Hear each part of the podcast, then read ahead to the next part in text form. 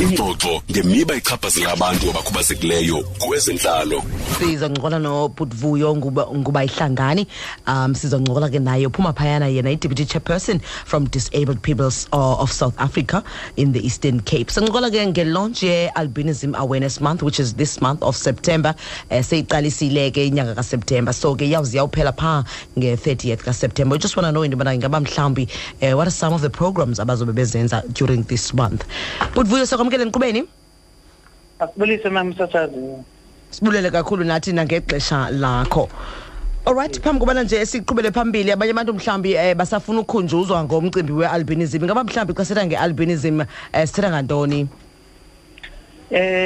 xa sithetha nge-albinism mamsasazi sithetha eh ngabantu abanolusu olohlukileyo elikhanyayo yes eh abanye abanenwele ezohlukileyo kunezo abanye abantu mm.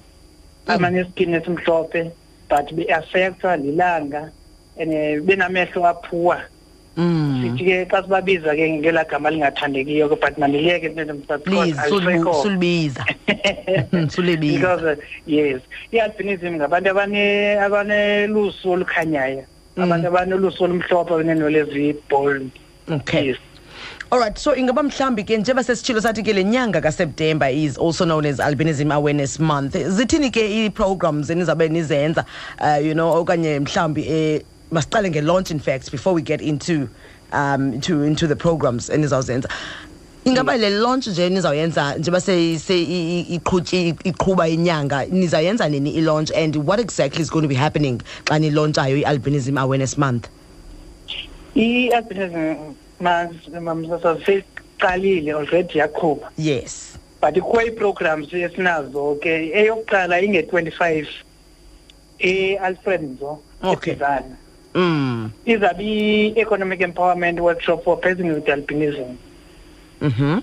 eh the purpose yayo is to collect i-database for abantu abane-albinism abane-businesses mm. abantu abafuna ukuqalela ibhizinesi because uba uyakhumbula bekade be-isolatwa okanye bona bezicingela ubana abanokwazi ukwenza into mm. but now sivuselela ke ngoku loo nto leyo as abantu abane-albinism mhm. then iprogram yesibini inge-27 kwase-alfenzo yi-children with albinism dialogue mm -hmm.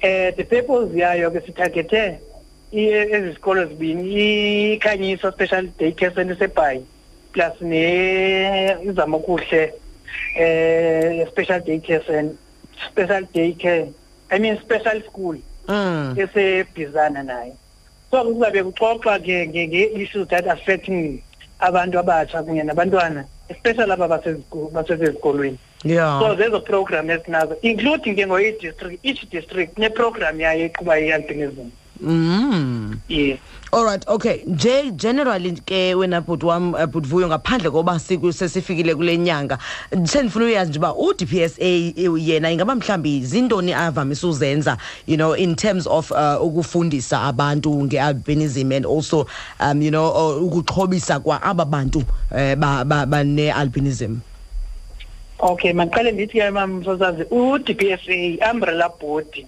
mm. i-organization zonke Amawele. zonke zirepresentiwe phaa Mhm. but kubekho le ke ngoyi-albinism society south africa Aha. le ndingu-chairperson wayo but ngu-chairperson deputy chairperson eh, ka-d p s a All right. jointi ke u-d p s a ne-albinism society south africa u-asa eh baneprogram abaziqhubayo i-awareness campaigns mm. apho kuqinise kwakhona into yokubana abantu especially community because yiyo le ibangela into yokubana abantu bene-albinism bangasilishi i-right yeah. because it is discrimination abayifumanayo uh, from the community members so siqale si-educate kuqala abantu abane-albinism babe ne-self esteem before siyo sesiyo-educator i-community because abantu abane-albinism baphuma kwi-community so there are ii-programs eziqhubayo right through the province yeah yes mama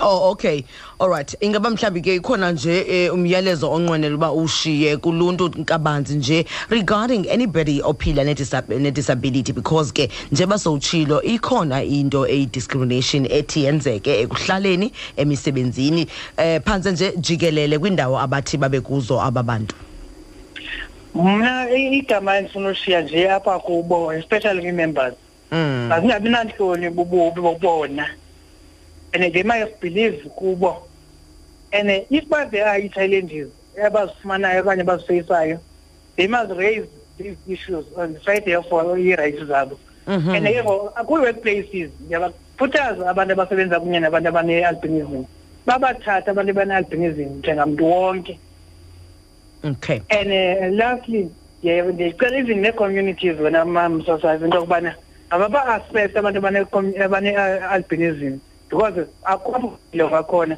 babhilonga kweza communities iifemeli zabo zipha so siyacela abantu abane-albinism uba maswamkeleke ekuhlaleni mm. nala magama athethekayo nezinto zithethekayo into yokubana abantu abane-albinism bayalahleka mm. and yonke loo nto na mm. ah, bayaphosisa because kukho le nto ithetha ngamagqirha bathi xa ufumene ipati ye-stressing with albinism uyakwazi ukwenza iyeza e-, elinyangayo bubu mm, mm. yinto engekhoyo le so ii-programs ke sihambe si-educate ngazo abantu into yokubana mabangakholelwa kwiinto ezingeziyo ya ndikuva kakuhle bhuti wam sibambe ngazibini sibulele kakhulu kuwe um yanga ke bantu ningabafundisa kabanzi nyhani ngendlela eyiyo and um basuke kwezi myth bamane behambe beziva bezikholelwa um imihla nezolo siyabulela kakhulu once again for your time siyabulela kakhulu mthathe ezentlalo 9 to 11 am monday to friday on true fm